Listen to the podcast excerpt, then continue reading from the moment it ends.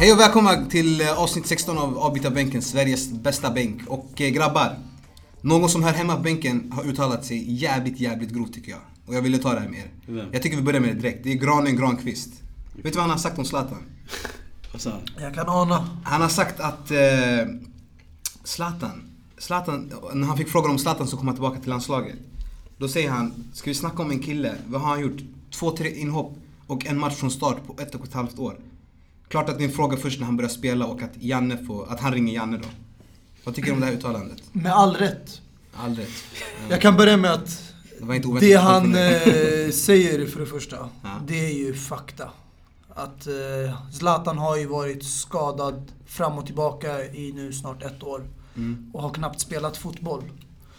Så landslaget vill man ta med liksom spelare som är i matchform. Mm. Och andra punkten för mig som jag står bakom starkt, det är att han var inte ens delaktig i hela VM-kvalet. Och jag tycker de som ska vara med och delta i VM, det är de som var där och kämpade och tog sig dit. Speciellt när de vann Italien. Men alltså det är, alltså, alltså, det är, det är inte ett argument i sig att de som har kämpat i VM-kvalet ska vara med i truppen. För jag kan tänka mig att Frankrike och eh, Tyskland och alla de har tagit in nykomlingar och debutanter. Jo, det har du helt rätt i, men skillnaden är här att Zlatan under VM-kvalet, han var aldrig skadad. Mm. Och han var inte heller petad från truppen, utan han hade helt enkelt eh, tagit... Nej, eh, alltså, liksom, han hade avslutat sin karriär i landslaget. Nej men grejen är, alltså, jag, eh, alltså jag ska vara helt ärlig, jag håller med i vad Granen säger lite. Okej. Men... eh, Men alltså, alltså, även om Zlatan rullar in i en jävla rullstol ska han få spela. Alltså, Men det är det här kan, han- Men det- det- det- nej, men det här är Zlatan. alltså. Det här håller jag inte med Du håller inte med dig? Nej, nej, nej. med. Oavsett, Så du menar, du menar att Granqvist från Krasnodar ska se till Zlatan? att han ska vara... Alltså nej, jag klarar inte av det. Ja, Inte ens Krasnodar, han, han är ju hemma här i Sverige. Ja, efter, Helsingborg. efter VM är han hemma Men du glömmer bort också vart han har spelat tidigare. Vart? Han har ju spelat i bland annat Serie A, där de har ja, en av eh, världens bästa försvar enligt eh, många. Det är taktisk liga, så de vet hur de Och spelar. ändå hamnar han i Krasnodar. Fortsätt. Nej, alltså det Granen säger, det är ju till en viss del, alltså det är ju sanning i det han säger. Men hur han säger det är helt fel tycker jag. För han pratar ju ändå om Zlatan Ibrahimovic som är världens bästa, eller Sveriges bästa genom tiderna. Självklart kan man, även bara för att han är världens bästa så, eller Sveriges bästa så, så kan man ju fortfarande prata om honom hur man vill. Men så som Granen, Granen sa i den här intervjun, det, det är lite eh, liksom disrespect tycker jag till den här spelaren. För att eh, han är ju även, Granen är ju även kapten. Så därför så borde han använda lite liksom enklare ord, säga det på ett annat sätt. Fast det han säger är ju fortfarande sanning. Fast, Ja, Men alltså, vet- var, var som ett gott omdöme och var bra förebild för kapten och så. Men det Granen säger ju egentligen, det är ju sant. Men som Abba säger, alltså, han kanske skulle ha tyckt så men inte uttryckt sig så. Men de media. får... Men dessutom, dessutom, alltså vem vet? De kanske har eh, manipulerat hans ord eller någonting sånt.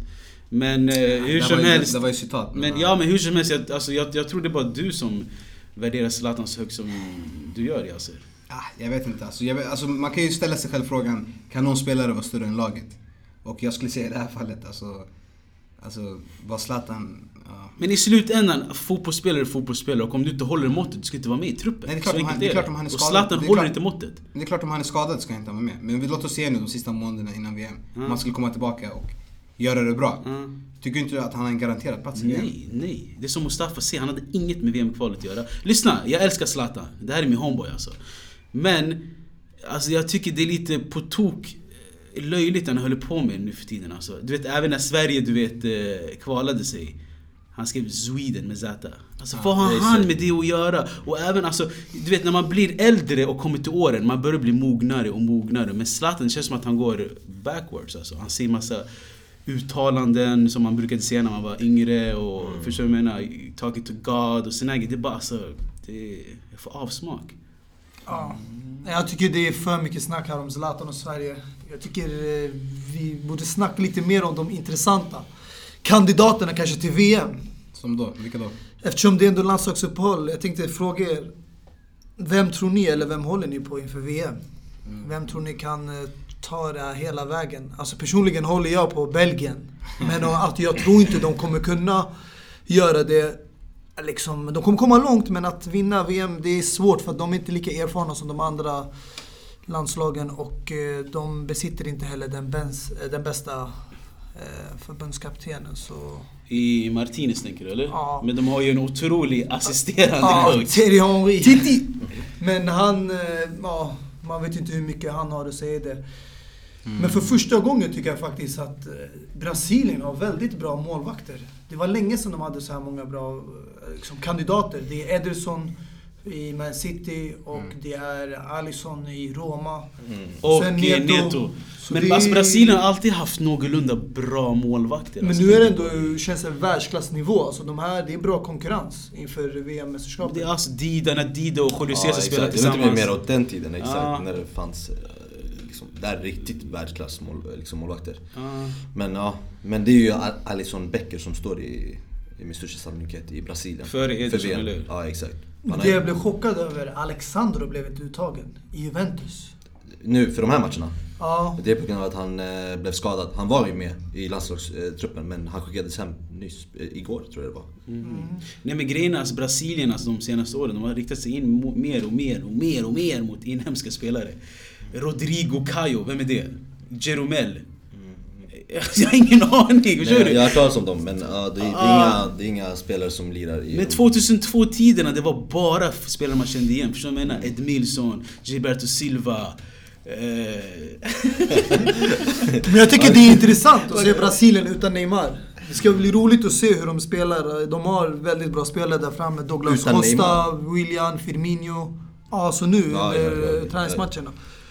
Ja, för att eh, förra VM-mästerskapet, vi såg ju utan Neymar hur de bara rasade mot Tyskland när de förlorade 7-1. Men jag tror det nya Brasilien, de kan ersätta även en spelare som Neymar. De kommer inte vara lika bra, men jag tror de kan bli ett väldigt bra lag. De har väldigt fina spelare som har utvecklats nu. Alltså jag tror eh, personligen att, eh, eller jag håller på Frankrike. Jag tror att de, alltså de har ju läskigt lag alltså.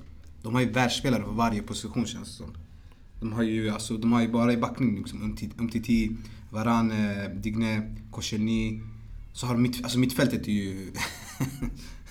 Matuidi, Alltså, Pogba, Kanté, Rabiot, Lemar. Alltså, Lemar, alltså det är... Anfallet, Mbappé, Griezmann, Giroud, Martial, Dembélé. Alltså det. Kom Nej igen. men alltså det, det här, dagens Frankrike, det, där, alltså. dagens Frankrike, det påminner mycket, mycket om, eh, om Belgien tycker jag. Det är ju namn som är liksom, eh, det är väldigt stora namn fast ett lag som inte kan spela ihop eller spela när det väl gäller som Belgien har gjort under de senaste åren i deras mäster, mästerskap. Frankrike är lika så förutom senast i, EM när de kom till final. Men eh, annars, nej de, de Men alltså, vad var det? De var ju med i Sveriges, nu i EM, EM eh, när de Gruppen. kallades, exakt. Mm. I, I kvalen, exakt. Mm, mm. Hur var de där? De var inte så liksom, Alltså, de överlägsna. vann ju gruppen, men de var inte, de var inte Nej. övertygande med det laget men de de gjorde ju, jag kommer ihåg exempelvis när de förlorade mot Sverige, det var ju ett kostsamt misstag från Lloris. Mm. När eh, Toivonen la in den i öppet mål framför planen. Men jag tycker annars, alltså de har ju ett bra lag.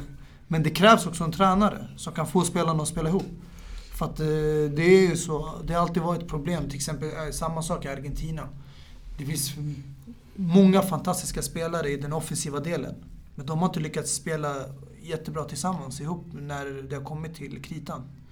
Abbas, skulle du säga att det är en nackdel om ett lag har för mycket stjärnor? För mycket stjärnor? Ja. Eh, ja, det skulle jag säga faktiskt. Inte bara i landslaget, jag menar även i, i klubblag också. Har du för många stjärnor i, i ett och samma lag så är det så att de vill ju visa vad de går för. Och eh, man kan ju inte... Hur, det, hur, hur, de, hur stjärnor tänker det är ju att man dribblar förbi sig, att man vill göra många mål, att man vill eh, liksom sticka ut. Och eh, har man för många spelare som vill göra det här på planen så kommer det ju inte funka. Därför ska man ha ett lag som fungerar ihop, som spelar för varandra. Och just därför, ja, jag tycker...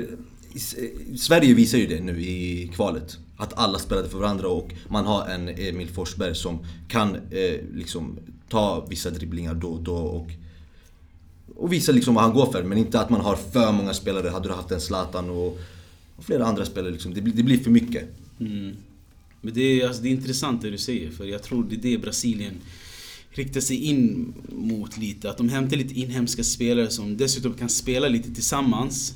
Och att det är lite mindre namnkunniga spelare så att de andra stjärnorna får, eh, hur ska jag säga, lysa. Typ.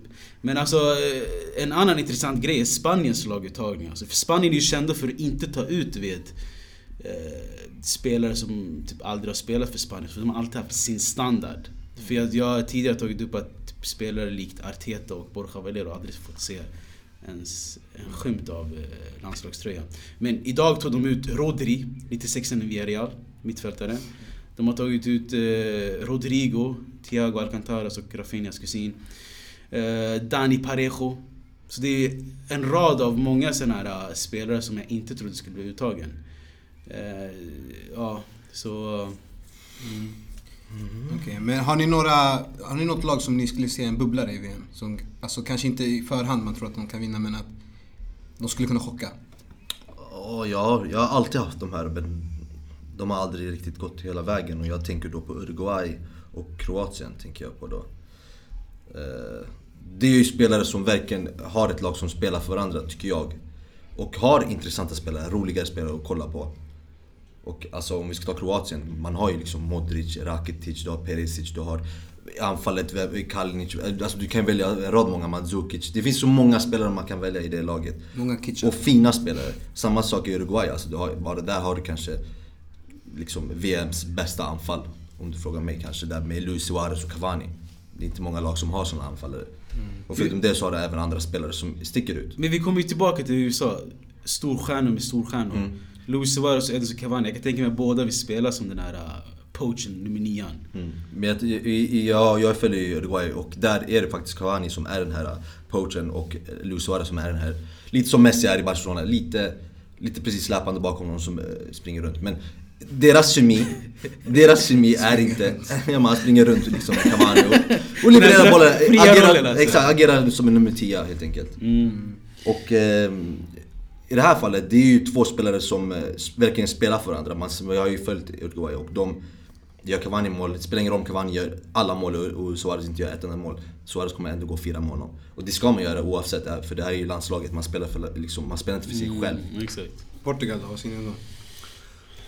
Portugal, ja, de har ju visat tidigare att de kan skrälla. Alltså de har ju i historien haft bra lag som har alltid utmanat både i VM och EM. Men nu, det känns inte som att de har lika många namnkunniga spelare i alla positioner som förut. Men ändå har de ett bra lag. De fungerar bra tillsammans.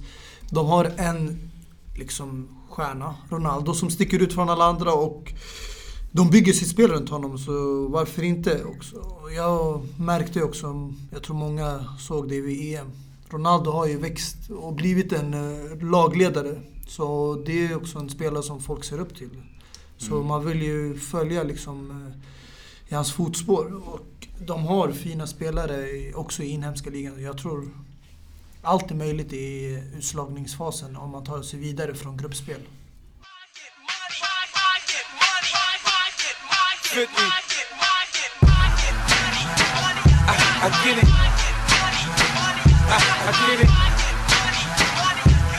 Obrigado, obrigado för den övergången Mustafa. Och eh, om vi kommer in på dagens ämne då. Eh, spelare som får välja mellan pengar eller... Ja, pengar eller vad kallar man det? Status, kanske. Pengar eller Joga Bonito. Ja. Eller? Ja. Det finns ju vissa spelare som har valt bort eh, det här eh, fotbollslivet i Europa och eh, till och med USA och så vidare till Kina. Som har en ny marknad som är på väg upp och de drar in spelare från hela världen för att lyfta upp deras egna liga. Och vi såg bland annat ett uttalande från Oscar som sa att vad fan sa han? I don't care if I go to the World Cup or no, or not. I'm only criticized for coming to China. Personally, I think my, for my family and my future. I don't want to get poor when I'm old and live on memories that I played in the World Cup. Så basically säger han alltså att jag, eh, jag, jag gör det här för pengar. Jag bryr mig inte. Ja. Ja exakt och jag tycker ju att fotbollsvärlden har hamnat i en galen spiral. Och eh, övergång, eh, summorna är ju på miljardbeloppen och lönerna räknas som miljoner om dagen. Och eh, det här passar ju, det, här, det är det här tänket Oscar har och det är ju helt fel eh, om du frågar mig för hur kan en spelare som Oscar, som, eh, hur gammal var han när han åkte dit? 25 år, 26? Så, eh, och har, har, liksom kan platsa i, i de största klubbarna i Europa.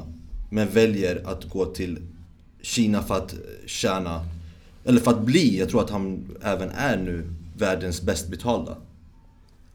Ja. Nej, Ja, jag tror att han är det. Eller om det är han eller Lavezzi. Men jag tror inte Lavezzi är det. Lavezzi och Tevez tror jag. TV's inte där längre. Ja, men de tjänade bäst. Men det är Lavezzi. Sen tror jag också... Men jag, jag läste här att när han, när han gick dit i alla fall, tror jag att så var han... Hur som helst, det är bara eh, liksom, absurt att vi sitter och pratar om vem som tjänar mest. Det är, han är i alla fall där längst upp. Och, Toppen. Exakt, på toppen. Och det...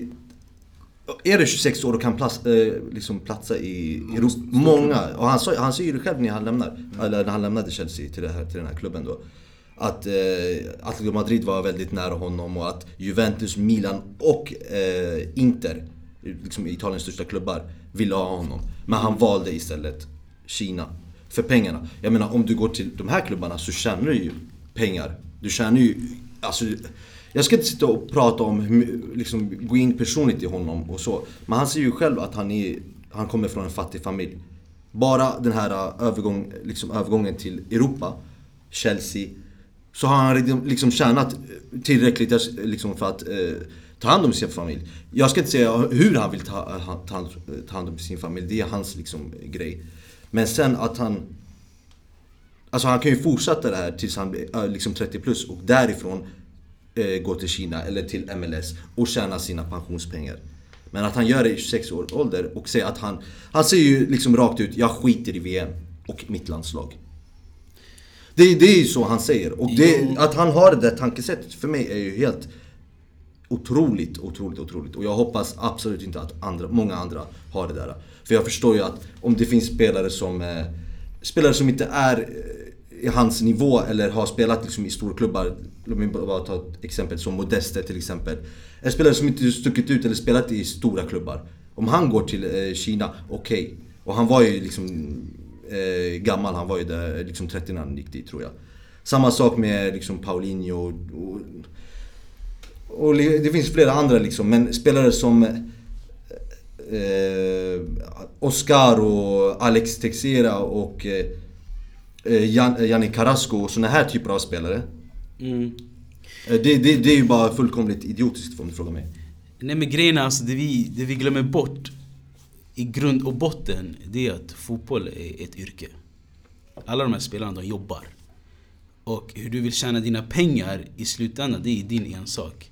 Men jag håller med om att man, de, de tappar ju det här passionen och eh, grunden på så sätt varför man spelar fotboll. Men i slutändan, som Oskar säger, alltså, det, här är, det här är ett jobb. Och eh, jag, jag, jag växte upp med en... Alltså, alltså jag hade en fattig barndom. Så jag, kan alltså jag, jag ryggar honom totalt om han vill åka till Kina och kamma in de här millarna och sen eh, leva som en kung och hans barnbarn ska leva som en kung. Så... eh, Som sagt, jag vill bara säga en grej. Jag dömer inte fo- Nej, jag håller med fotbollsspelare. dig. Alltså, jag jag dömer inte honom för att han gick dit sådär. Jag säger bara att han, eh, om, om det var jag, om det var jag. Mm.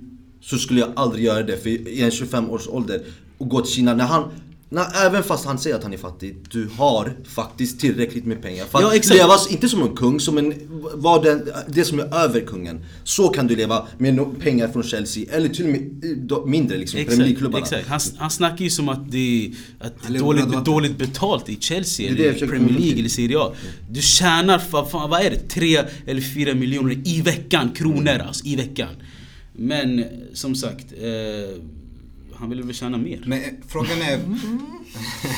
Ja, det- alltså, han tjänade inte sådär mycket i veckan. Nej, men han jag menar, man kan komma upp sådär i Premier League, menar jag. eh, 60-70 tusen pund i veckan. Som Mustafa motsvarar ja, nästan en miljon. Okej, vad tjänar Alexis Sanchez idag i United?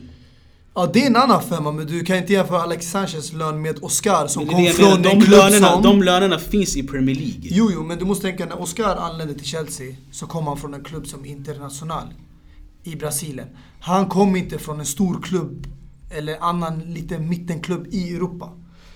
Så det var hans första klubb i Europa. För det andra, jag håller delvis med Abbas det han säger. Att man, eh, med tanke på åldern och så, man kan fortfarande prestera och spela i toppklubbarna i Europa och liksom eh, även synas bland de bästa spelarna. Men å andra sidan, jag har förståelse för Oscar. För att jag tror när han lämnade Chelsea, klubbarna som Abbas nämnde, Atletico Madrid, Milan, Inter, Juventus. Det där är inte klubbar som erbjuder bättre lön än vad Chelsea gör.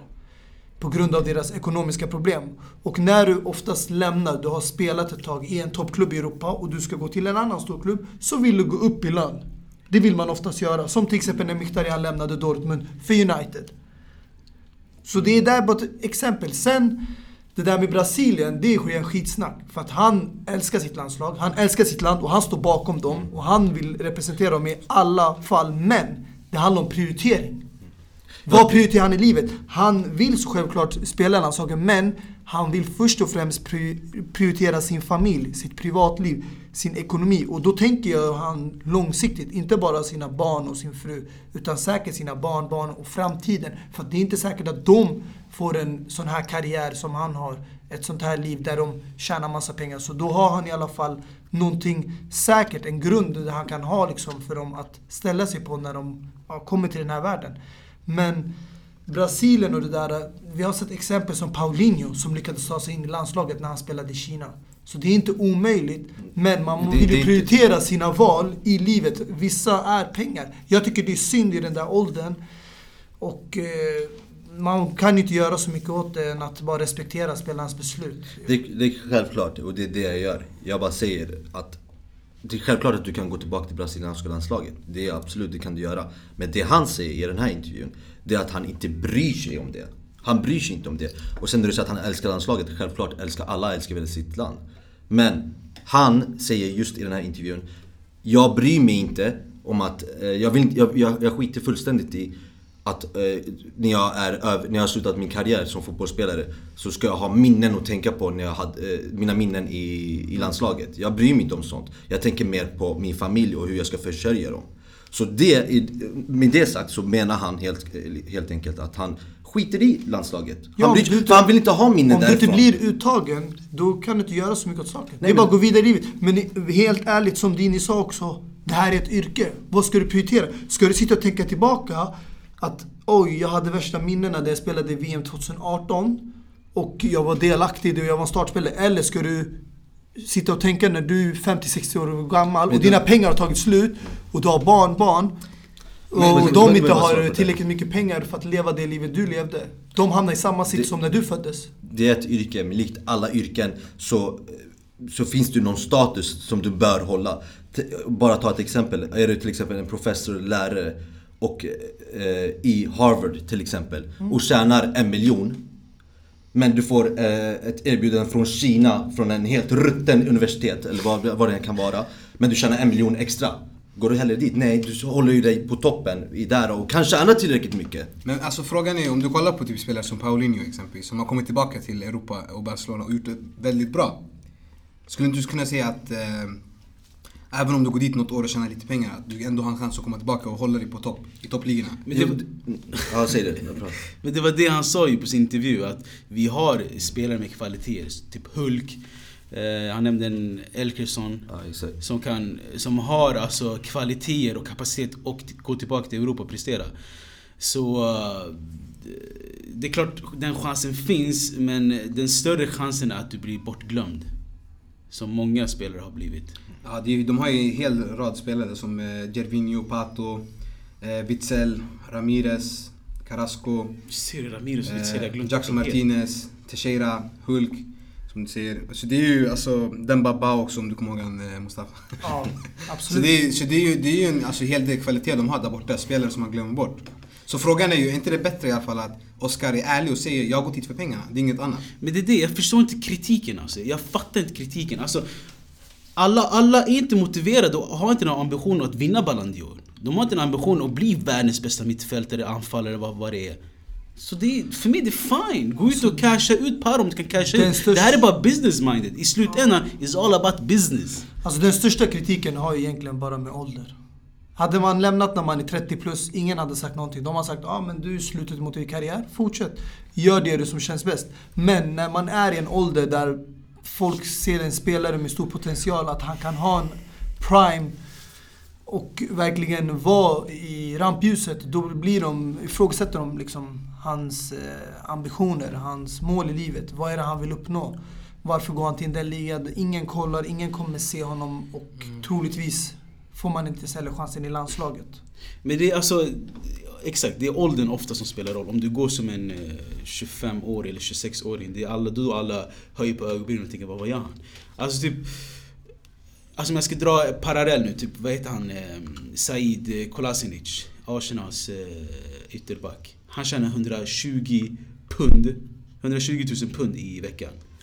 Och egentligen Carrasco uppfyller ju alla de här äh, kriterierna för att bli värvad till ett lag som Arsenal, eller som Milan, eller som Juventus. Jag har ju till och med hört att det här är bara som en... Äh, alltså han, ska, han kommer gå till Juventus eventually har jag hört. Carrasco. Men han är, Carrasco är ung, han har Champions League-erfarenhet och startade, eller han var med i en trupp som i Belgiens senaste landslags... eh, EM. EM, exakt.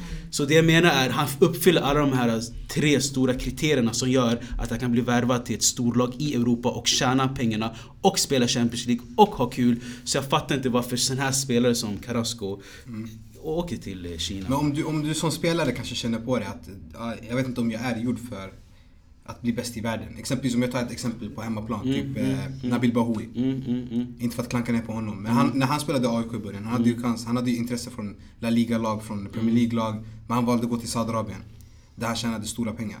Och nu har han kommit tillbaka via Tyskland till, tillbaka till Sverige. Mm. Alltså är inte det ett sätt att ändå, alltså om du känner kanske att jag vet inte, jag är inte 100% säker att jag kommer komma långt. Åtminstone låt mig tjäna de stora pengarna när jag kan. Alltså jag förstår, eh, alltså som jag sa, det är, det är business minded. Förstår du vad jag menar? Man, man tänker på framtiden, man tänker på att man vill, man vill stärka, stärka, stärka. och, eh, men fotboll är utmaning. Det handlar om tävla, det handlar om grintan, det handlar om att du ska bli den bästa. Annars tappar du hela passionen. Om alla ska tänka mot att äh, det här är ett jobb, eller hur? Jag kan tjäna 10 millar i veckan. Låt mig bara gå till Kina. Fotbollen tappar den här... eh, Hade han tänkt att det är bara pengar, han hade garanterat fått bättre lön i La Liga. Eller Serie A, eller vart han går om han lämnar Allsvenskan. Alltså bättre lön än vad han ska Ja, få bättre allsvenskan. pengar hade han fått. Men ja. i ett sånt där land, han kan få ännu bättre betalt och han får även spela. För att oftast när spelare kommer från Allsvenskan, de har väldigt svårt att slå sig in i startelvan och få liksom kontinuerlig speltid. Och då, i det fallet, om man går och bara sitter på en bänk och mjölkar ut pengar, då tänker man bara på pengar. Men om du går till en liga där det är lite ja, mindre attraktivt, som i Kina, MLS i USA. Du kommer ändå få speltid, spela fotboll, göra det du älskar. Men du kan ändå också tjäna de här pengarna. Okej, men alltså grejen är att jag tänker mer att i den åldern han gick. Är det, är det verkligen alltså prio att gå till ett sånt lag? Du pratar om... Alltså att få speltid i Saudiarabien jämfört med att kanske Alltså jag hamna i ett La Liga-lag och kanske slås in i startelvan. jag tror väldigt, det är väldigt enkelt. I livet, du har flera beslut. Och när du går till större klubbar eller mittenklubbar, du tar en risk. Och många hamnar i skuggan bakom andra spelare, hamnar i bänken, blir bortglömda. Och alla är inte villiga att ta den risken. Så vissa tar det säkra för det osäkra. Så jag har full förståelse för Nabil Bahoui. Ja, alltså det här handlar ju inte om, eh, om, om, eh, om speltid, tänker jag. Alltså, det är ju, han han kom, gick ut i Europa och kände att han kanske inte höll där, eller han fick inte den chansen att lira i det laget han eh, spelade i, om det var Hamburg eller Hoffenheim. Eller, Ja, det var Hamburg väl, tror jag. Eh, Och eh, att han sen går till, alltså han var ju inte ens liksom, han, en bra eller etablerad spelare just då. Så att han sen går till Saudiarabien, det är inget fel för han, det, det är förståeligt, han vill ju tjäna sina pengar. Men en spelare som Oscar som redan har nått den nivån, toppen, som eh, liksom i Chelsea och kan spela och hålla sig kvar där i flera eh, år. Det är, den, det är den typen av spelare som jag inte förstår. Och det tänket som jag inte förstår. För alltså, ja, det är som jag har snackat innan. Är är är liksom i slutet av din karriär som Carlos Tevez och ja, Graziano Pelle också och såna här spelare. Då absolut, jag har full förståelse. Men sen om du har... Om du ändå har liksom... Jag, jag tror det här, det, det är inte... Det, ja, vissa har det som, som yrke som du säger, att de tänker på yrket. Men sen... Sen tror jag att det finns spelare som också har passion, eh, passion för fotbollen. Och det... Men, det, men alltså det jobbiga här är, du, du utgår ifrån dig själv. Och du själv har ju passion för fotboll kan jag tänka mig. Eller du har ju det, jag känner ju det. Du älskar att spela fotboll. Så du, du, du kan inte tänka dig att folk inte har samma tänk som du gör. Det är det som gör äh, det är problematiskt hela den grejen. Det, alltså typ, jag kommer ni ihåg eh, Benoit Assou Ekoto? Ja. Eh, killen med värsta frisyren i Spurs som spelat. Alltså den här killen gick ut och sa Lyssna, jag, jag gillar inte att spela fotboll. Men jag är bra på det och jag, jag såg att man kan tjäna pengar på det så jag spelar fotboll. Killen visste inte vem Rafael van der Vaart var när han kom till Tottenham. Han bara tja. Han trodde det var en fan som ville ha hans autograf. Det här är Rafael van der Vaart, en av de bästa mittfältarna i världen. I min mening. En av de bästa vänsterfotarna. Alltså shit. Van der Vaart alltså, vilken lirare. Men, exakt. Alltså Ekoto gick ut med att det här är ett yrke för mig. Och jag är för att tjäna para. Och eh, han gjorde det ganska bra. Men det jag, det jag undrar är landslag, får man pengar när man spelar i Nej. landslagen? Eller? Man får, Nej. man får bonusar tror jag. Jag Man vinner- nej, man får vinner inte, ja, kanske man får en Man bonus vinner inte så att man... För han spelade ju i kamerunska landslaget så det, han säger emot sig själv om man bara spelade för... Exakt. Så... Jag tror man tjänar. Man måste ju tjäna någonting. Man tjänar ju med viss del i att delta i till exempel de här mästerskapen, afrikanska mästerskapen, EM, VM. Men det är väl om du vinner något? Du tjänar Jag inget. tror faktiskt Och sen du, du, jag tror du får pengar även om du inte vinner någonting. Alltså det handlar ju om små summor för dem. Alltså det är ju matcher, men i träningsmatcher vet jag inte hur det funkar. Men mästerskap tjänar man. Jag ser du... Jag, jag- ihåg, jag kommer ihåg under VM tror jag var senaste när, eh, det var, var det, Kamerun eller? När de vägrade spela för att eh, deras förbund hade hållit undan pengar som de skulle dela ut till laget om ni minns. Ah, jo, jo, jag minns där. Mm, så det, inte det är ju pengar. Men också, jag kommer ihåg svenska landslaget, det var ju någonting om att eh, männen tjänade mer än kvinnorna och de hade, hade protesterat och grejer och sånt om det. Men Men, jag har ingen aning det och jag tror inte heller att Så det är de sant. tjänar ju pengar men jag tror inte det handlar om stora summor. Var, så. varför ska de tjäna pengar? Om du, alltså om du frågar om det nu är, är sant så varför, varför ska det ens vara så? Du spelar för ditt landslag, du ska du, jobb, spela du, jobb, för ditt du jobbar ju landslag. fortfarande. Det är, inte- det här är inte krig. Det är inte, det är inte ju- jobb, du det jobbar, du jobbar inte. Klart du jobbar. Nej, ja, du jobbar, ja, du jobbar alltså grabbar. Även om det är nu- krig, Jag vet det här är är ett jobb men grabbar. Du representerar Vad menar ditt du? land. Vad menar du? Vad menar du? Kolla, det spelar ingen roll om du är soldat eller om du är landslagsspelare i fotboll, basket. Du representerar ditt lag, det är ditt yrke. Det är inte som att det här är din fritid, jag gör det här som en hobby för roligt. Det är klart, vissa har roligt, vissa älskar det de gör. Men det är fortfarande deras yrke. Exakt. Och under en hel sommar, när det är EM eller VM och du inte spelar med ditt klubblag. Vissa som kanske är lärare, de har en ledighet över en hel sommar. Men spelare har chansen att gå och tjäna pengar genom landslaget. Nej men det är inte samma sak, de tjänar pengar. Om ni, om ni säger så. Jag är ganska säker på att de gör Okej. det. Vi kan, vi kan, vi Så- kan så- kolla så- upp det efter. Det är bara att tänka enkelt, hur ska de kunna... Menar att de skriver kontrakt med landslaget? Är det det du försöker säga? Är det det ni försöker säga? Det är ju Alltså, helt omöjligt. jag, vet inte, jag bankkontonummer. frågade Ska en Zlatan tjäna lika mycket som en, som en Nej. eh, ungdom, liksom junior, juniorspelare Nej, i nej, ja, men landslaget? deras löner kanske skiftar, men jag tror också det har med mästerskapen. Alla blir inte uttagna. Vissa spelar i kvalet så de tjänar en viss del. Sen spelar man i slutspel. Men sen träningsmatcher kanske det är mer valfritt bara för att ta sig in i landslaget. Alltså grejen är, nu, en snabb googling bara så ser jag att eh, landslag, i landslaget så har de att eh, per seger så får de 35 000 kronor var. Och om de skulle ta sig till slutspelet så är det Vilket minst, landslag är minst det här 100 000. då? Sverige är det. Exakt. Minst 100 000. Så att, de så att de tjänar ju pengar. Det är en grej. Nej, ja, de Ja. tjänar pengar på grund av deras prestation. Inte, inte, det har ingenting med att de kommer dit och man kan bara sitta i, liksom, och inte göra någonting Nej, och så Ja, är får man sant. sina Det är pengar. sant. Det Det är är det jag sant. menar. Det är- De tycker självklart, alla har ju en, en, någon slags av bonus liksom. Men Ja. alltså, intressanta är ju att vi, vi var i Afrika. Afrika? Vart? Jag ska vinna Kamerun, du nämnde Kamerun. Ja, ja. Och jag tänker vi, vi stannar kvar där lite, i närmare sagt Togo. Eh, Ni, ni vet vem jag tänker nämna nu. Ja, det. Mm. Adebayor, Emanuel Adebayor. Emanuel Adebayor kanske han heter. Ja. Men han, han känner ju kosingen, han känner para. Men sen du, du får ju alltså, det blir alltså ett Spelare som Adebayor och eh, Eboe och spelare som har en stor familj där borta som litar på att du ska försörja dem. Alltså det, det tar hårt på dem. Jag, har ni läst artikeln som Adebayor alltså skrev för något år sedan? Något sånt där? Alltså, Han får bokstavligen hotbrev av sin familj. Att när han inte betalar pengar till sin hela släkt och sin... Eh, ja. Så... Fast det kan ju bli så lite också vi, om man tänker på att folk som kommer från fattiga bakgrunder. Att när du väl börjar tjäna pengar, folk känner sig liksom att de är att de har någonting och... Ja, Alltså att, att du, du, har är en ett ans- plikt. du, har, du har ett ansvar över dem. Ja men alltså typ, Och det är typ, ja, men typ, sätt. typ Didier Drogba. Han, han, han byggde ju ett sjukhus. Han försörjer en hel nation. Ja exakt. Eh, Mohamed Salah, han byggde ett sjukhus nu i Egypten. Alltså du kan ju göra dina pengar på... Men de där har ett gott hjärta, de Ja, gör det vilja. Och Det känns som att Adebayor, hans familj försöker tvinga, han vill inte. Exakt. Han vill leva på dem själv. Adebayor is all about the... Och där, där, där, där, har vi, där har vi ett perfekt exempel på vad, vad det är jag försöker komma fram till. Vi pratar om Drogba, att han försörjer ja, en hel nation. Och han spelade ju i Chelsea. Och här pratar Oscar om att han ska gå till Kina och tjäna mer än dubbla av vad, vad Drogba tjänade, tjänade i Chelsea. Men ska bara försörja sin familj. Men i slutändan- han skulle kunna försörja hela favelas och hela Brasilien med de där pengarna som Men han i tjänar i Brasilien. slutändan, i slutändan, vad vet vi? Vad vet vi vad han gör med sina para? Vad- Han kanske försörjer en, en hel ö. Han kanske försörjer en, en, en, ett, en hel skola i, i favelas. Vad vet vi? Han kanske inte vill säga det. Men det jag försöker säga är att det finns för, alltså, som, som, som eh, Biggie Small sa, more money more problem. Förstår du vad jag menar? Alltså, Ju det- mer para du har desto mer problem kommer du få saker- alltså. Som Dini sa, det finns saker som folk inte vet. Exempelvis Kaká. Det många inte vet är att han donerade 20% av sin lön, alltid som han, när han var fotbollsspelare, till kyrkan i Brasilien. Som hjälper fattiga barn, kvinnor i Brasilien i de här områdena där det är kritiskt läge. Och han gjorde det månadsvis, årsvis. 20% av sin lön gick åt eh, pengarna till eh, kyrkorna i Brasilien. Så det där är ett sätt som folk inte vet, men om man kollar in djupare i det så hjälper folk på ett eller annat sätt. Inte bara familj, men också nära kärna eller sitt eget folk. Men jag tycker vi går för mycket, jag vill bara dra en liten kort bakgrundshistoria. Hur det här allt började. För att det var ju Nicolas Anelka som gjorde första flytten till Shanghai Shenhua.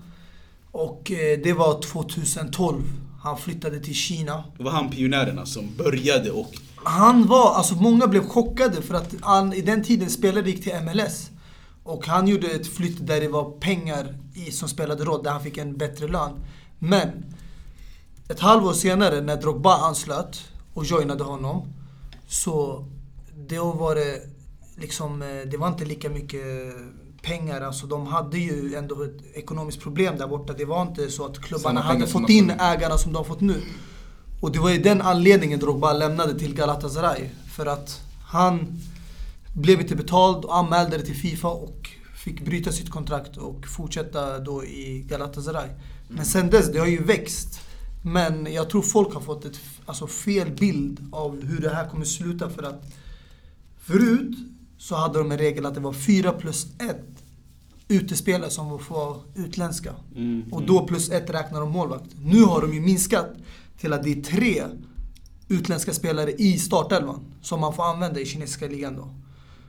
Och förut hade man att man måste ha minst en U21, U23 förlåt, spelare, alltså det vill säga en egen produkt, talang, i startelvan. Nu, så många som du ställer upp med måste du ha lika många U23-spelare från egna akademiprodukter alltså för att spela i startelvan.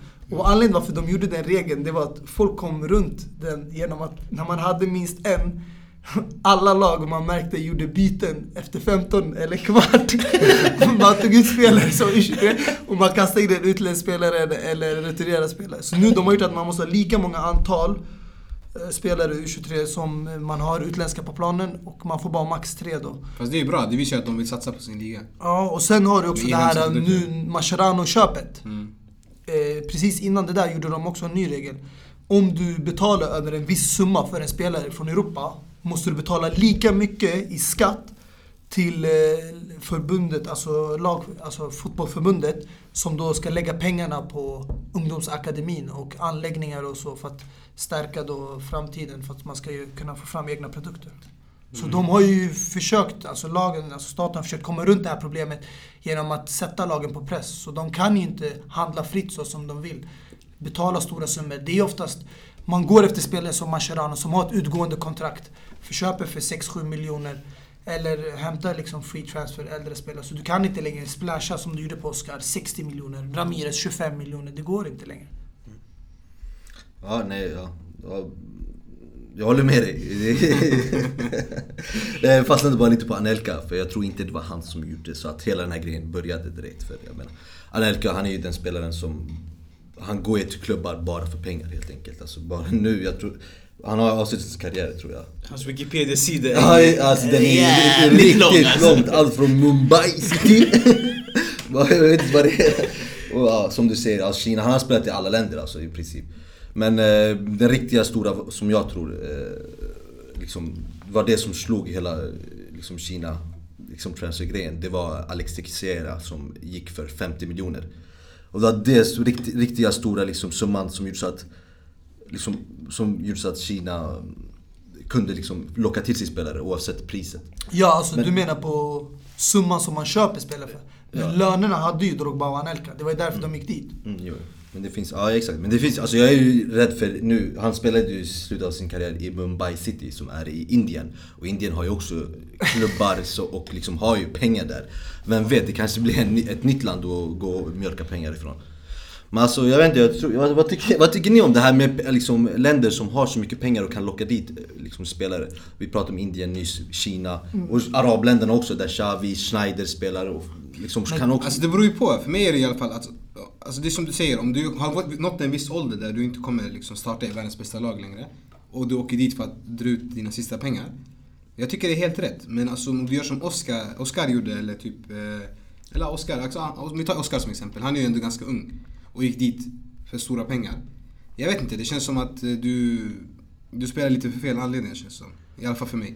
För du, du kommer, som Dini säger, du kommer tjäna stora pengar i, Men- i inhemska ligorna här. Ja. Så att om du går dit, det, ja jag vet inte, det känns som du slänger bort din karriär. Men alltså det är inte alltid det funkar. För att om du kollar exempelvis, nu snackade jag om ligor, men klubbar. Monaco. Mm. De försökte ett tag göra det som PSG. Mm. Där de bara värvade in stort. Anzi Makhalala. Det var ett tag där när de värvade Samuel Eto'o. Samuel. Eto'o. De värvade till och med idag, som vi alla vet, William. Som för mig är en av just nu världens bästa mittfältare. Och han, han har nått en prime även efter en eh, kort period i Anzi Makhalala där han köptes dyrt. Och sen klubben klarade inte av att fortsätta köpa så. Likadant med Monaco. De var tvungna att göra av sig med de här köpen och sålde vidare spelare. Så det är inte alltid det kommer funka det här med pengar. Och sen så finns det spelare som också kan komma tillbaka. Du ser att Oscar är ung. Vi såg William nu när som spelar i Chelsea. Han var där borta men han kom tillbaka och nu spelar i ja, bästa ligan enligt mig och sen deltar i Champions League och kommer troligtvis med i landslaget. En, en- alltså en sidogrej bara från de här pengarna när du nämnde William. Det var lite roligt. För jag såg igår Brasilien eh, presenterade sina eh, borta tröjor Och vet ni hur de presenterade dem i samband? Alltså William eh, Alltså de bytte tröja på honom med det nya bortastället. Fast, vet vet ni vilken match det var? När de förlorade 7-1 mot Tyskland. Så, det var, det var Helt måste sparken alltså. Exakt. Ja, men han var ju inte med i den matchen. Eller han var ju på bänk. så Ja men alltså det var när han- hade bollen. I den matchen. Exakt, Ah. i den Och matchen. man ser Tyskland spelare i bakgrunden. Ja exakt, så det var lite... det var en bild. Exakt, det var en bild de hade ändrat borta stället på. Men hur som helst, inte för att komma bort från eh, Ja. Den Men- röda tråden. Men om vi kollar eh, på de här spelarna som har gått över, typ Hulk och Oscar och Carrasco och grabbarna. Mm. Vilka skulle ni säga har störst chans att komma tillbaka och slå sig in i toppligan? Eller topplagen? Alltså min största besvikelse det var Hulk. Ja, det var För att han, det var en spelare som jag verkligen gillade i Porto och jag trodde verkligen han skulle komma till ett storlag i Europa. Chelsea, Real Madrid eller Bayern München. Något lag där som alltid slåss om eh, ligan och ut, utmanar Champions League. Och det var ju synd att man aldrig fick se honom. För att man fick spela spelare som Falcao. Han spelar idag i Monaco men han var ju otrolig i Atletico Madrid. Och vann bland annat Copa del Rey och Europa League. Men Mon- alltså Hulk, det var den, väl bara den portugisiska ligan och sen spelade han ett tag i Zenit. Men efter det, inget mer fick man se av honom. Och i landslaget har han aldrig liksom alltså kommit upp till de här förväntningarna man har på honom. Ja, nej, alltså Hulken, ni känner ju mig, så jag har alltid älskat den här spelaren. Alltså, det- Odjur, det är det han han är. är verkligen odjur. Alltså, jag hävdade ju också med bestämdhet att den här spelaren skulle bli, liksom, om han verkligen hade mentaliteten eh, liksom, eh, liksom rätt, så skulle han blivit världens bästa liksom, anfa- eh, spelare, skulle jag kunna tro. Inte kanske just när Messi Cristiano spelar där, men annars, han har ju bokstavligen allting. Och han har vissa attributer som är mycket bättre än Messi och Cristiano. Vi pratar om Cristianos skott. Han, det, det, det, han är ju odjur. Hulk har, det, det är ingen snack om saken, Hulk har mycket, mycket bättre Ni, skott ni, ni har ju sett den här reklamen när han tar sönder nätet när han Exakt. skjuter. Men det är samma sak med Adriano, om han hade mentaliteten på Exakt. rätt ställe så skulle han bli Men han spelade ändå i en toppklubb i Europa. Han var i Inter. Den här killen, det högsta han nådde var Porto. Och Porto Eller var Zenit. inte samma... Zenit. Ja men Zenit, kom igen. Porto var inte samma storhetstid som de var förut. När eh, Mourinho coachade liksom Porto och de hade spelare som bara lämnade till Chelsea, Barcelona, Deco, Carvalho. Nu, det är bra Porto som är och kämpar. Vart är de? Är de i Europa League? Eller spelar de i. Champions League? Eh, Jag har inte koll på dem längre. En spelare som eh, jag vill se tillbaka i Europa, det är... Vet du om det är? Anthony Modest. som hade session i Köln alltså. Har ni hört hans låt by the way? Ni, ni måste höra den. Feiert täglich Schützenfest? Anthony Modest. Wer beißt sich an der Theke fest? Anthony Modest. Und lässt im Kölschglas keinen Rest?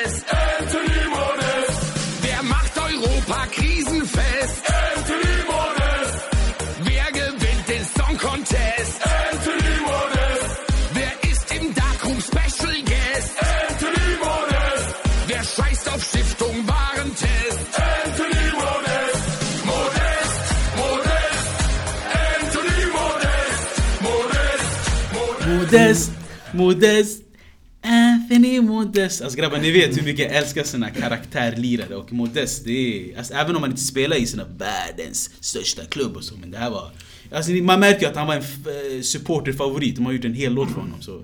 Mer av sina spelare alltså. Ja, det målet som man absolut inte kan glömma från Modest, det är ju där mot Bayern München. Alltså, det är... Klassiker. alltså. Men grabbar, om vi kollar på en spelare som jag tycker är väldigt intressant i alla fall. Eh, Pato, som bara är 28 år gammal. Skulle ni säga att han har potential att bli en eh, late bloomer? Nej, Inte? nej. Det är, kört, Det är kört, alltså. Det är helt kört, tyvärr. Alltså allt är möjligt. Det är, jag tror att hans största problem det är skador. Om han kommer ifrån skadorna, varför inte? Han kan göra en comeback som Pauline gjorde. Jag tror allt, allt, allt är möjligt. Men det handlar om vilja. Man måste vara stark inombords också och kunna ta sig igenom de här jobbiga skadeperioderna. Ja, exakt. Men förutom det, alltså jag tror... Det, han har ju slått, slåss med den, här, med den här skadan i, hela, i stort sett hela hans karriär. Och jag tror inte det kommer bara försvinna sådär enkelt och, och sen kommer han ha liksom sina resterande år som liksom helt felfri. Eller skadefri från fotbollen, det tror jag absolut inte. Han har tyvärr en, en ganska svag, eh, svaga ben helt enkelt. Men alltså jag tänker på till exempel Jack Wilshere. Han hade en riktigt jobbig skada i, inte vet ett år, kanske två, tre år. Som han eh, satt och kämpade med. Och nu äntligen till slut har han tagit sig förbi den. Spelar eh, varje vecka för Arsenal, har blivit eh, tagit tillbaka startplats efter ett lån i Bournemouth. Och nu troligtvis kommer han bli uttagen till landslaget i VM. Men alltså, jag måste ändå ge cred till Pato. Han har försökt. Alltså efter Milan-sessionen gick jag ju till Corinthians tror jag och sen var på lån till Sao Paulo och sen Chelsea. Så han har försökt komma in i Europa igen. Och sen hamnade han i Villarreal som gick sådär. Så tyvärr, alltså ibland det är jättetråkigt men skadorna sätter stopp för vissa spelare. Och Pato är en sån här praktexempel på vad skador kan leda dig till. Mm, exakt. Abbas, du tänkte ju på en intressant sak när vi snackade lite innan om eh, varför, alltså, hur länder som Kina och USA och så vidare, hur de köper sig in i fotbollsmarknaden. Eller hur? Ja, precis. Eh, ja, exakt så som du säger. Det är ju, vi pratar ju mycket om spelarna, att de köper spelarna och sådär. Eh, förutom det så har de även köpt sig in i klubbar. Jag tänkte då på lag som eh, West Bromwich, lag som eh, Inter, Milan. Ja, vad finns det mer? Ja, exakt. Jag vet inte om Wolverhampton och Aston Villa, är de också uppköpta? Du menar ägare eller? Ja, exakt. Aha, ah, ah, ah, jo, jo. Det kan de vara, exakt. Det står här, nu läser jag på en sida där det står också 20% Atletico Madrid och Manchester City. De kanske har en liten andel där också i själva klubben. Men eh, exakt, så det är inte bara spelarna eh, Kina köper sig in på, det är även klubbar. Och förutom det, i, i deras egna land och deras egna li, eh, liga, så har de försökt värva domare också. Vi såg ju nu senast att de försökte värva den här Mark Clattenburg till, till deras, till deras liksom, grej. Och även liksom, italienska domare och, och span, spanska domare. Så det, det är inte bara spelarna, de vill liksom göra... Ha, liksom, ha, ett, ha en liga... Världsklassnivå i Exakt. alla områden. Borde, så du menar, alltså du tycker det är fel att köpa sig till framgång på det sättet eller? Nej det tycker jag absolut inte. Det, det, det är ju väl bra för deras land. Men det är inte enkelt. ofta man lyckas. Alltså, alltså pengar tar dig till en viss nivå. Du kommer inte längre än så. För i slutändan, fansen och landet och eh, hela faderullan måste ju ha passion för fotbollen. Och det, det är det, jag vill bara säga, det är det eh, Kina har. Kina har verkligen det, alltså det, det är väl det, det enda landet, eller det största landet med mest invånare som har pension för fotbollen. Kina eller Kina, Japan? Kina. Japan kan jag ju tänka mig. Nej, För Kina. jag tänker på de här, fotbolls... eh, anime-serien Kapten Tsubasa. Ja, exakt. Och Kickers och sådana grejer. De har ju många så här äh, animerade fotbollsserier och så. Japan. Men Kina vet jag inte. Nej, jag tänkte inte på... Jag tänkte, självklart, hela Japan har ju det också. Men jag tänkte antal invånare. I och med att Kina är landet med mest invånare Ja, i världen. ja. Så, det, så om man räknar antalet invånare så Ja. är det mer än Japan och an, många andra länder.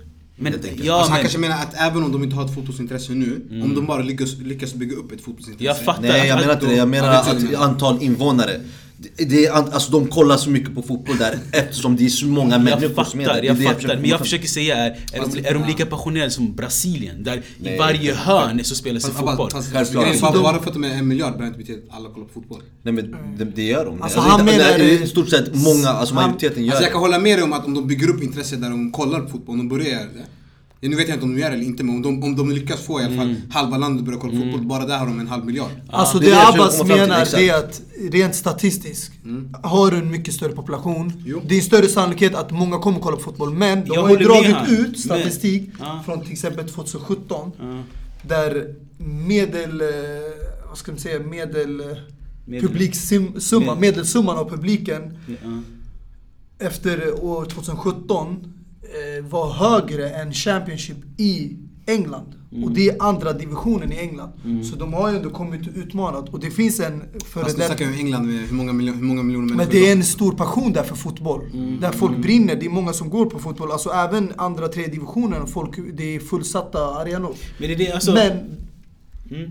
vi måste tänka, man, om, som en nation, du vill bygga mot en framtid. Om fotbollen nu, i, våra, i, vårt, i alla fall i min, från mitt perspektiv, det är den största sporten. Det Alltså större än eh, kampsport, basket, allt möjligt. Jag tror det är alltså, Så siffror också. om man vill satsa på någonting för att locka dit spelare, för att få liksom uppmärksamhet. Också för att få fram kanske, för att jag tror att hämta dit sådana här spelare från Europa, Mm. det kommer också påverka de inhemska spelarna, produkterna. Mm. De kommer lära sig av andra. Många pratar ju om till exempel det här när man har en Eh, spelare som har spelat i en klubb i 10-20 år. När man värvar in unga spelare, att de kan se upp till dem.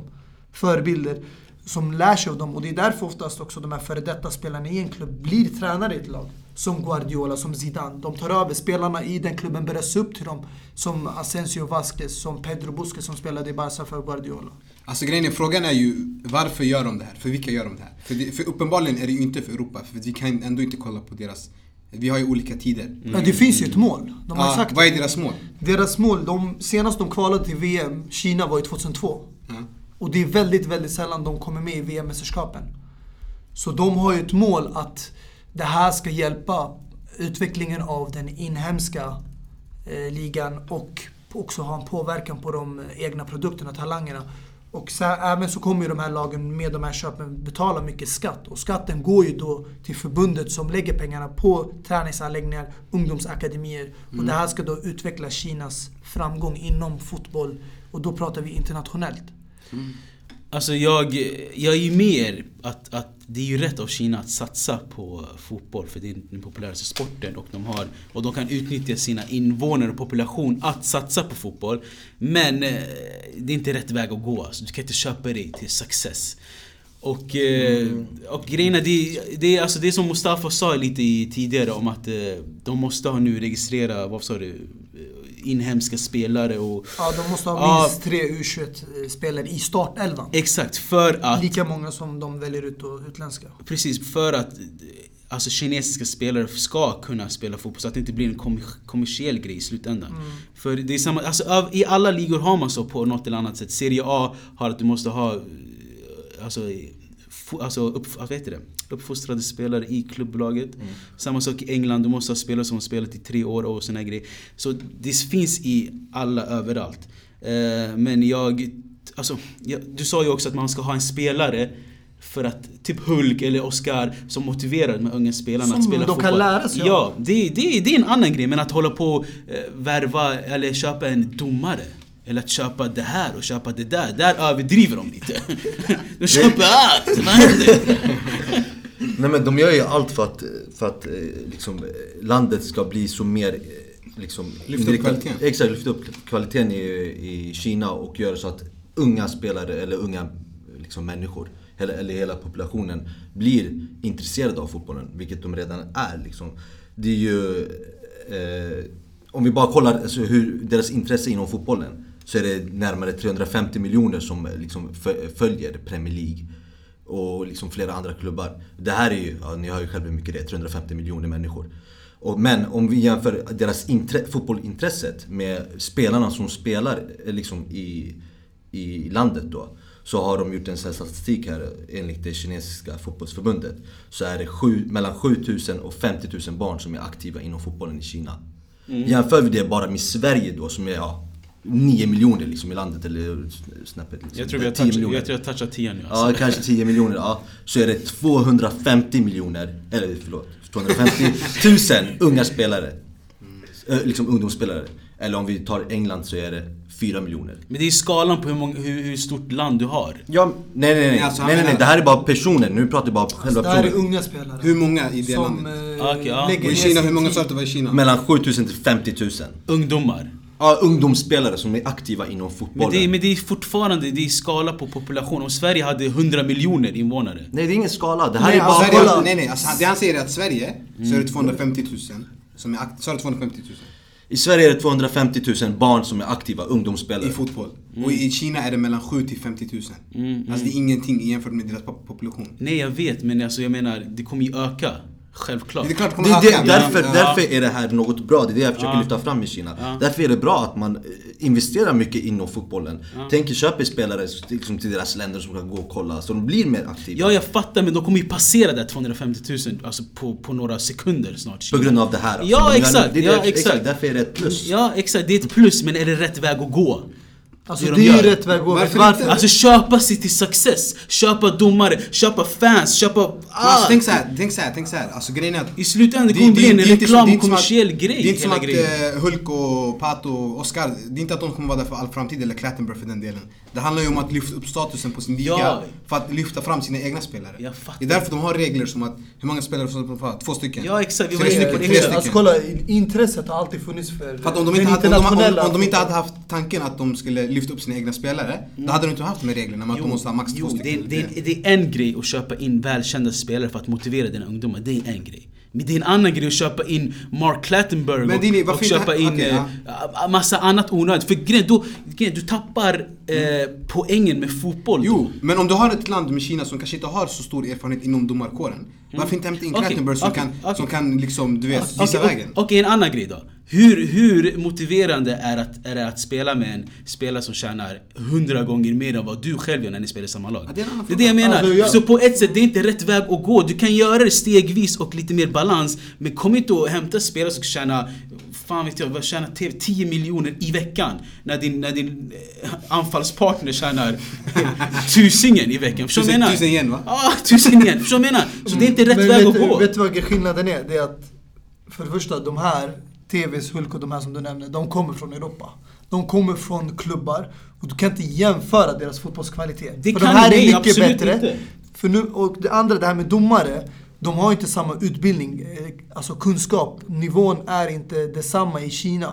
De kanske håller på att investera i det också som en del av själva fotbollen för att få bättre kvalitet. Men det kommer ta tid. Så varför inte hämta lite erfarna domare som de kan lära sig under tiden av och sen under det tiden bygger de en stab där liksom man får en bättre utveckling inom domaren och eh, ja, även fan vet jag, liksom tränare och allt möjligt. De hämtar ju tränare också för att andra tränare ska liksom man ska lära sig och sprida den kunskapen mellan varandra.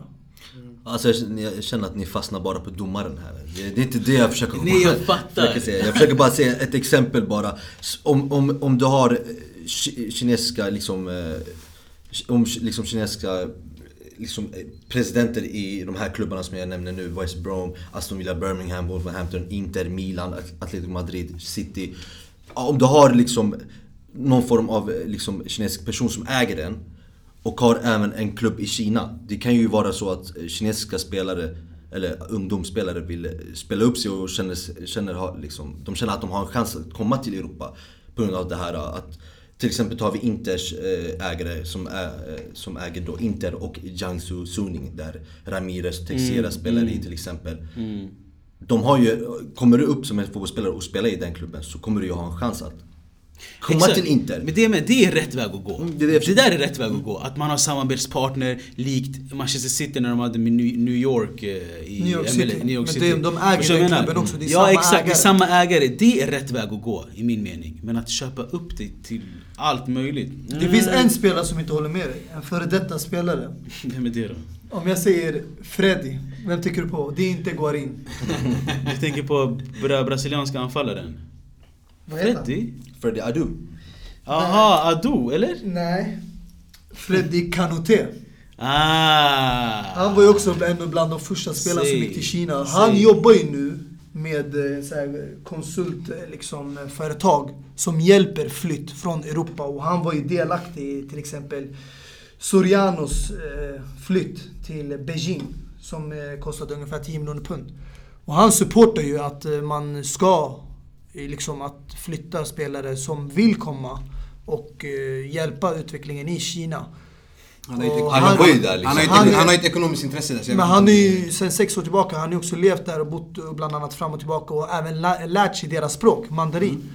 Så han eh, är ju väldigt positiv till den idén eftersom att han tror att Kina vill någonting bra utav det här. Det är inte bara liksom ja, locka spelare med pengar bara för att de ska sitta och mjölka ut utan det här ska också ha en långsiktig påverkan där man kan utveckla spelare och det ska få Kina i rätt riktning mot att fotbollen ska bli den största sporten och folk ska få intresse också för den inhemska ligan. För nu, som vi alla vet, det brukar vara att klubbla, klubblag har ju liksom pre-season i Kina. Men det är bara intresset för den internationella fotbollen, det är ute i Europa. Men när det väl kommer till deras inhemska ligan, det finns inte så liksom, stor publiknivå där folk kommer och kollar och verkligen är passionerade. Men det kommer, jag tror, med tiden hamna, eh, inte kanske Europas nivå, men större. Jag tror det kommer lyckas mycket mer än eh, MLS och USA, tror jag. Alltså, para hit, para dit. Jag vill bara avsluta med en liten grej. Alltså i slutändan, det spelar ingen roll eh, alltså hur mycket du tjänar eller vart du spelar. I slutändan handlar det om hur du hanterar dina pengar. Hur, hur vad du investerar i och hur du sparar pengarna. Ja, ni vet vem alla jag tänker på. Emanuel Eboe. Som nyligen var arbetslös och klagade på att han var fattig. Alltså med de här pengarna, du ska inte bli fattig alltså.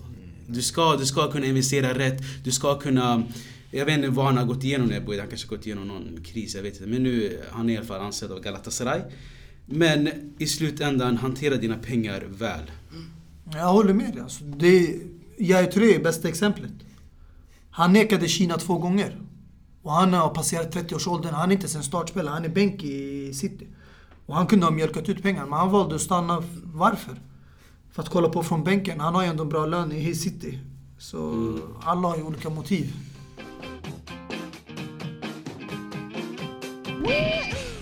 Det sägs att denna position är den enklaste att spela. Men det börjar bli mer och mer motsägelsefullt i den moderna fotbollen. De dominerar sällan huvudrubrikerna men dominerar sina korridorer. De brukar oftast bära tvåan eller trean på sin ryggtavla. Föredraget är att de är högerfotade. Det är inte längre en hemlighet att jag pratar om högerbackar. Så som fotbollen har utvecklats de senaste decennierna har likaså betydelsen och kvaliteten av ytterbackar gjort. Åsikten att ytterbackar är antingen misslyckade mittbackar eller, eller resultatlösa yttermittfältare är så långt borta från sanningen som det kan vara. Kvalitet högerbackar i dagens fotboll tillhör en speciell genre som inte bara kräver bra teknik men även karaktärsdrag som osjälviskhet. Fotbollen har sett några legendariska högerbackar genom åren. Gianluca Zambrotta, Javier Zanetti, Gary Neville, Lilian Thuram, Philip Lam och Cafu är några en av de bästa genom tiderna. Men today ska vi ta en titt på vilka högerbackar som tar plats i vår Bench Dior 11. Varsågod boys. Oj, oj, oj, oj. Ja. För gåshud alltså. Eftersom eh, folk eh, verkar inte vara eh, ja, lite tysta här. Det känns inte som att någon vågar gå ut rakt och säga det. Så ska jag inta scenen Gör det gärna Mustafa. med en eh, spelare som eh, började karriären där i Portugal, i den inhemska ligan. Han spelade i Vitoria och Estoril, där han började sakta men säkert som en yttermittfältare, likt Antonio Valencia. Han var högerytter. Och värvades då 2002 in till Porto. Där han flyttades tillbaka som en högerback. Under den tiden så glänste han och vann bland annat ligan, kuppen och som man kallar det då, trippen där. Äh, Champions League 2004 med Porto som hade ett lag som spelade som Deco och eh, ja, Carvalho som vi vet, en av de stora spelarna. Sen gjorde han ju den kända flytten där äh, tillsammans med en av världens bästa tränare då, Mourinho, som tog med sig honom till Chelsea. Där han började just, första säsongen så blev han en startspelare på högerflanken. Vann ligan första året men eh, därefter kom det in massa spelare med tanke på pengarna som Chelsea hade fått in. Och eh, blev sakta men säkert utkonkurrerad av eller, spelare som Khalid Boularus till att börja med. Sen kom det en viss José Bosingwa och därefter följde det med en Branislav Ivanovic. Och då hamnade han oftast i skuggan av dessa spelare på grund av att han saknade de defensiva kvaliteterna. Och den spelaren jag pratar om är Paulo Ferreira. En otrolig högerback som har en fin högerfot. Och eh, han var väldigt bra offensivt, hade ett sinne för passningar och inlägg, bra spelförståelse men han saknade de eh, defensiva kvaliteterna som de andra spelarna hade på grund av hans historia som han har spelat som en högerytter. Och eh, det som är märkvärdigt det är att på hela nio år i Chelsea då, den eh, delen, så gjorde han bara 141 matcher. Och det är liksom i jämförelse med Porto där han spelade två säsonger så gjorde han 62 matcher. Det är nästan hälften av vad han gjorde i Chelsea. Och många var ju också inhopp. Det var ju bra de två första säsongerna som han verkligen fick många start. Så det är en spelare som för mig borde ha varit en startspelare i de bästa klubbarna och en spelare som har vunnit allt inom klubbnivå. Förutom eh, ja, Alltså, med landslaget då. En spelare som verkligen tar laget före jaget, Paulo Ferreira. Om jag Ja. inte minns helt eh, fel så har han tagit på sig någon managerroll eller sånt där, eller hur? Ja, han jobbar ju nu med eh, akademin och Eddie Newton som har koll på scout, eh, Mm. talanger och lån. Spelare, men eh, det var en av de mest ödmjuka spelarna. Mm, mm, mm. Han hyste stor respekt, inte bara för sina lagkamrater men även tränare, klubben, styrelsen. Han var aldrig missnöjd med sin position Mm. och var alltid tacksam för att vara del av laget, omklädningsrummet. Och var även en lagledare som folk började se upp till senare under karriären. Mm. Ja, ska jag eh, köra då Yasser El Abbas? Ja, kör, kör, kör. Kör Ni, verkar, ni verkar vara lite kluvna med vem ni ska ta. Men jag ska vara helt ärlig, jag var också själv kluven. Högerback i en bench Dior 11 är riktigt svår att hitta. Så även om du hade svårt eh, Mustafa att hitta på Ja, det var ju svårt. Alltså, Paulo Freire dök ju upp en av de första, men jag försökte hitta någon annan. Men jag hittade ingen kandidat som kunde utmana honom tyvärr. Alltså, min, min spelare, likt din spelare, pratar ju portugisiska också. Fast är inte från Portugal. Han är då från Brasilien. Eh, innan jag valde honom hade jag eh, en rad namn i min hjärna. Bland annat Loren, eh, franska ytterbacken som spelade i Arsenal. Eh, vann eh, Invisible med dem. Jag hade Alberto Arbeloa. Liten diskussionsfråga om man kan ta han som en bench Dior högerback. Eller Mancini. Jag ser att Abbas kollar på mig lite snett här. Jag vet, jag vet han, han var ingen högerback men han kom in som en högerback lite i Roma. Därför jag sätter ett litet frågetecken på honom. Okej. Så jag ska inte ta honom. Men min spelare är Cicinho. Minns ni den här spelaren eller? Som hade sejour i Real Madrid och i eh, Roma var det väl, eller hur? Innan han eh, åkte tillbaka till eh, Brasilien. Ehm, han vann La Liga med eh, Real Madrid och vann Coppa Italia med Roma. Så min eh, bench Dior högerback är Cicinho. Okej, Intressant val. Och eh, du började med att klanka ner på den jag har valt så att eh, jag kan väl ge en bra bakgrund till varför jag har valt honom. Jag har valt eh, Alvaro Arbeloa som eh, min bench, Jaha. Bench Dior högerback. Och anledningen till det, det är att eh, han, han var ju inte i Real Madrid och Liverpool så var han ju ingen, eh, ingen bänkspelare. Men jag tänker mer i landslaget där han 2008 och 2000, 2008 EM och 2010 eh, VM eh, var på bänken bakom Ramos som då spelade högerback. Mm. Och att vinna VM och EM från bänken tycker jag i alla fall kvalificerar sig till att bli en bench Dior. Då, han senare i EM 2012 spelade från start och vann igen. Så att det betyder ju att han ändå hade kvaliteten för att kunna spela på den nivån. Minst sagt. Så att det är min eh, bench Dior. Han har, ju, han har ju haft två turer i Real Madrid också. Han var i Real. Madrid och sen var han ute i Liverpool och sen Exakt. kom tillbaka. Han var till och med lagkapten i Real Madrid Castilla. Så att eh, Mm. det är ju en bra spelare. Ja, då har vi bara en kvar. Yes. Eh, Mohamed Abbas. Mohamed Abbas, vad har du till oss? Ja grabbar, vad jag har till er. Det är en, eh, det är en spelare som spåddes en, en eh, väldigt fin och stor karriär. Men som eh, senare inte fick ut de, kvaliteterna som han besatte. Tror jag. Men eh, det... Jag pratar ju om en eh, engelsman som spelade högerback. Eh, mörkhyad. Vet inte vem jag menar. Ja, jag har lite aningar alltså. Fortsätt, fortsätt beskrivningen. Ja, han heter ju Maika. Maika. Hey, Michael Richards! Hur fan kunde jag glömma bort honom alltså? Ja exakt. Nej men alltså det var ju svårt att hitta, alltså jag vet inte. Alltså, när vi startade det här Bench Dior, det, jag trodde faktiskt skulle vara mycket enklare än vad, vad, vad det låter. Men eh, det är ju onekligen mycket, mycket svårare. Så, så Nej, jag Micah- hittar ju bara Michael Richards nu. Mike alltså. en, Jag ska inte ljuga, alltså, det var en tid när han var på väg ut från Man City att jag hoppades han skulle komma till Chelsea. Jag gillade honom så mycket faktiskt. Men alltså den här fysiken han hade. Ja, den- Han var han var ju... Okej paus, det är jag som ska Ja, förklara. Shit! Det här var en otrolig spelare måste jag säga. bara. Exakt, han hade en kropp som eh, lik Hulk faktiskt. Alltså riktigt, riktigt stor och liksom stor stark och ingen vågade helt enkelt springa in i honom. För man skulle bara fly- flyga iväg då helt enkelt. Men det var, det var en väldigt stark och förutom hans, liksom, hans kroppsbyggnad så var han, tycker jag i alla fall, hade ändå en, en, en speed som, som, inte, som inte såg ut som... Liksom, Som heter duga. Som inte matchade hans kropp. Precis. Och det, det är en sån spelare som jag faktiskt tyckte om. Kanske inte skulle vilja ha i, i Serie A. Jag tror inte han skulle fungera i Serie A eller Han i spelade Liga. ju Fiorentina. Exakt, och det är därför jag tog honom som bänk. För han spelade i Fior- Fiorentina men, in, men satt ju i de flesta fallen som bänk där. Mm. Eh, För att han helt enkelt inte passade in där. Men han, han var ju i City, kom ju från deras ungdomsakademi. Eh, Kom upp där och eh, var faktiskt i början av sin karriär väldigt bra.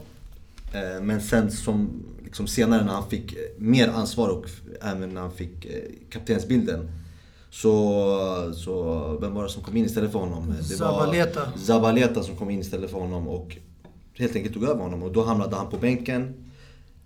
Och då skeppades han iväg till Fiorentina på lån, satt där på bänken, kom tillbaks eh, till England i Aston Villa och där eh, var liksom, fick han spela sporadiskt helt enkelt. Och ja, anledningen till varför jag väljer honom det är för att han kunde faktiskt i början, man såg i början av, av hans karriär en, en spelare som kunde vara världens bästa högerback. Mm. En av dem. Men som tyvärr inte blev det. Nej, för jag, alltså jag, minns, jag minns att Mustafa sa i några tidigare avsnitt, rätta mig om jag har fel, men om du spelar i OS i Great Britain så är du ju definitivt en bench Dior-spelare alltså. Vilket Michael Richards gjorde. Eh, det här är ju typ Englands B-lag, eh, United Kingdom, när de spelar i OS. Men Micah, en otrolig spelare som spådde en ljus framtid som du sa. Ja grabbar, är det dags att rösta nu eller? Eller vad säger vi? Ja, jag vet inte, Abbas kommer inte rösta på mig i alla fall, det kan jag garantera. Det kommer jag absolut inte göra, för jag ser absolut inte Arbeloa i samma nivå som Cicinho. Cicinho är mycket härligare Ching ching! jag- En röst, en röst på mig alltså. Exakt, ja. Men det är en spelare, en brasilianare som man brukar falla för när, man brukar se dem spela. Och han var, spelade även i Real Madrid, vilket Arbeloa också gjorde, men jag höjer absolut Cicinho flera nivåer högre än Arbeloa, tycker jag. Ja. För spelsättet. Ska vi fortsätta på Yassers spår? Vem du röstar på? Jag tror också jag röstar på Cicinho. Det var ett väldigt bra val. Ching ching. Ja, jag kommer lägga min röst på Michael Richards. Jag såg honom som en mycket större potential att bli en världsklasspelare än Cicinho. Och jag tror han kunde ha blivit en av eh, världens bästa. Okej, nu, nu är det jävligt intressant. För grejen är, innan eh, Abbas sa Michael Richards, jag, jag var säker på att jag skulle rösta på Paulo Ferreira. Men nu när han sa Maika, ja, inget illa menat mot din Arbeloa. Men Arbeloa såg han som mer en, mer en startelva vad de här tre. Men jättebra val. så vänta, så det blir 2-2 nu mellan Maika och eh, Om du röstar på Cicinho? Maika? Ja. Eller, eller ska jag vara en fuling och rösta på Paolo? Kör, kör efter hjärtat. Men det är mellan de här två alltså. Alltså jag hade ju tänkt att ta Mike innan men eh, jag kände att eh, Paulo Freire var Jag tror- lämpligare. För mig i alla fall. Jag tror jag kör på Maika alltså. Så det är 2-2 alltså nu. Ja du, då kanske vi har en bänk till högerbacken då. Eller? Hur ska Nej vi men göra? Ska grejen... vi singla slanten? Nej nej, om vi säger så här. Om jag fick rösta, skulle jag rösta på min. Och om Mohammed, om du fick rösta, skulle du rösta på min eller din?